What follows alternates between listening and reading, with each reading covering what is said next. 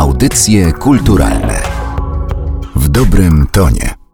Zapomniane, mało znane lub niedawno odkryte utwory polskich kompozytorów prezentuje festiwal Polska Muzyka Odnaleziona. Po niektóre nie sięgała dotychczas żadna orkiestra, inne nie były grane od kilkudziesięciu lat. W audycjach kulturalnych rozmawiamy o początkach festiwalu oraz jego tegorocznej edycji. Składają się na nią dwa koncerty 17 listopada oraz 9 grudnia.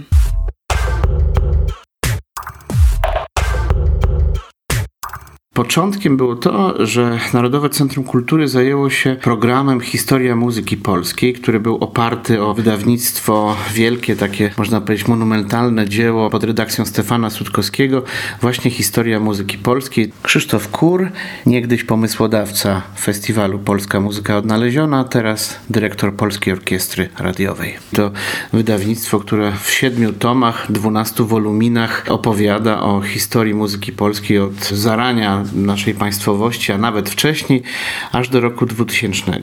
Zostały one wysłane do setek bibliotek w Polsce i nie tylko w Polsce, takich muzycznych bibliotek. Cały czas Narodowe Centrum Kultury wydaje z tych książek e-booki, które są nieodpłatnie dostępne na stronie NCK.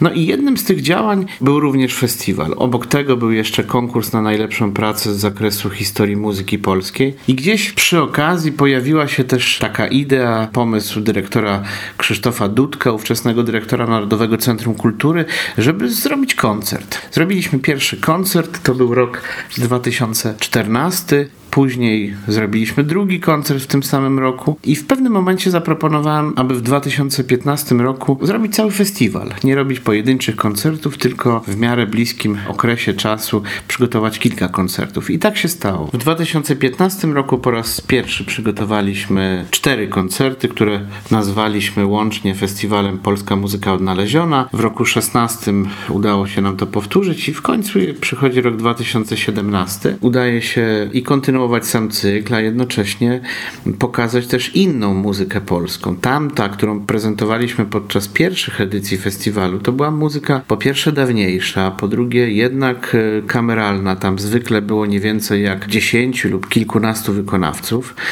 Teraz będziemy mogli posłuchać koncertu w wykonaniu Wielkiej Orkiestry Symfonicznej, około 60-osobowej.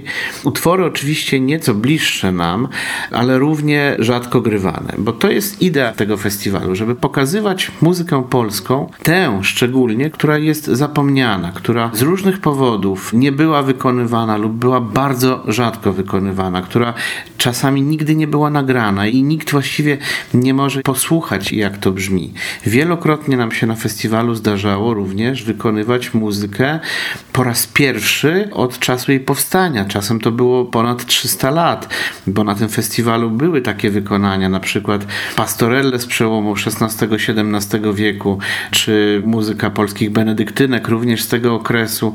Utwory, które zostały odnalezione przez muzykologów w klasztorach i które od czasu ich powstania nie były wykonywane. To były takie nasze współczesne prapremiery. W pewnym sensie można powiedzieć, że program obecnego festiwalu, te dwa koncerty, również tak był układany, czyli sięgaliśmy po takie utwory, które rzeczywiście nie pojawiają się, przynajmniej w ostatnim czasie w ogóle, w repertuarze koncertowym właściwie żadnej orkiestry. Są nagrania tych utworów, tylko one są dość no, już leciwe, bo niektóre z nich mają po 20-25 lat. Były ostatni raz temu zarejestrowane te utwory, więc ideą jest również to, żeby je po prostu przypomnieć i w pewnym sensie odświeżyć. Michał Klauza, dyrektor artystyczny Polskiej Orkiestry Radiowej. Problemem zasadniczym, jeżeli chodzi o polską muzykę, jest to problem, o którym mówię już od jakiegoś czasu, ponieważ niestety na co dzień zmuszeni jesteśmy się z nim borykać. To są fatalnej jakości materiały notowe, które przysyła polskie wydawnictwo muzyczne, z których w zasadzie nie mamy możliwości komfortowego rozmawiania i pracy pracy nad stroną muzyczną, nad interpretacją utworu, ponieważ w zasadzie każdą pierwszą próbę spędzamy na poprawianiu materiału, a czasami dochodzi do tego, że ilość tych błędów jest tak duża, jak mieliśmy to w sytuacji Symfonii Polonia Paderewskiego, że w zasadzie do ostatniej próby orkiestra siedzi z ołówkami i poprawia materiał nutowy. Jeśli to się nie zmieni, to nie damy rady promować polskiej muzyki, bo po prostu, no wiem, że są i dyrygenci, są orkiestry, którzy po prostu odmawiają grania z materiału, który nie nadaje się do użytku. I nie bójmy się tego powiedzieć. Po pierwsze, powinna być dokonana korekta, żeby wszyscy wiedzieli, że to, co się w tej partyturze znajduje, to jest naprawdę to, co napisał kompozytor. Bo nie jesteśmy pewni, czy to napisał kompozytor, bo musimy się zastanawiać, czy to jest D, czy dis, czy chciał, nie wiem, zrobić akord zmniejszony, czyli nunowy bez prymy, czy to jest błąd drukarski. No tego jest mnóstwo. I teraz, jeżeli jeszcze głosy nie odpowiadają temu, co jest w partyturze, to dochodzi do tego, że orkiestra zamiast grać cały czas zadaje pytanie. Największe wyzwanie tego polega na tym, że szczególnie tego typu muzykę, właśnie nieznaną i dość, powiedziałbym, prostą w swej strukturze tematycznej, agogicznej, frazowej, formy, bardzo łatwo można po prostu zepsuć. Taką muzykę trzeba wykonać szalenie dokładnie i z ogromną atencją, co nierzadko nie jest y, łatwe, tak powiem, właśnie z powodu tej treści muzycznej, która tam jest zawarta. W ogóle sama idea festiwalu uważam, że jest znakomita, dlatego że ona e, przybliża polskiej publiczności nazwiska również kompozytorów, którzy na co dzień na estradach nie goszczą. Bardzo serdecznie zapraszamy Państwa na pierwszy koncert z tegorocznego cyklu.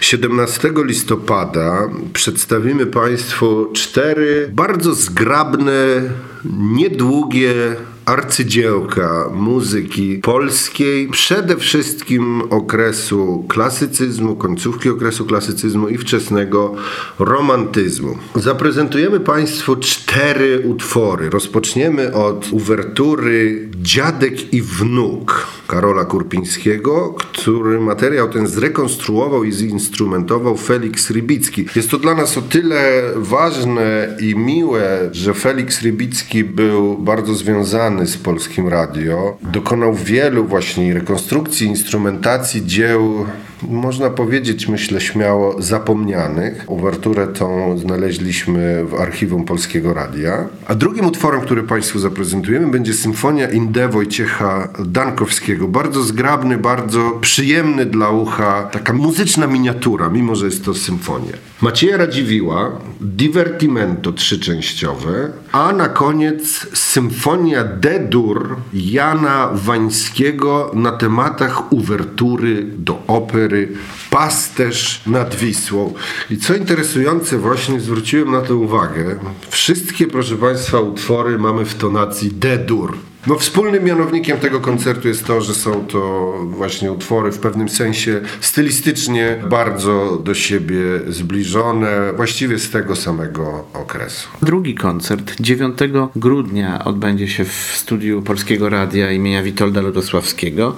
To będzie koncert monograficzny poświęcony twórczości Witolda Maliszewskiego i tam utwory właściwie zupełnie nieznane. Jeden z nich, druga symfonia Adur op. 12 w ogóle nie nagrana, nie ma nigdzie tego nagrania. A dodatkowo oprócz tej symfonii zagramy jeszcze uwerturę radosną op. 11 i fantazję kujawską na fortepian i orkiestrę.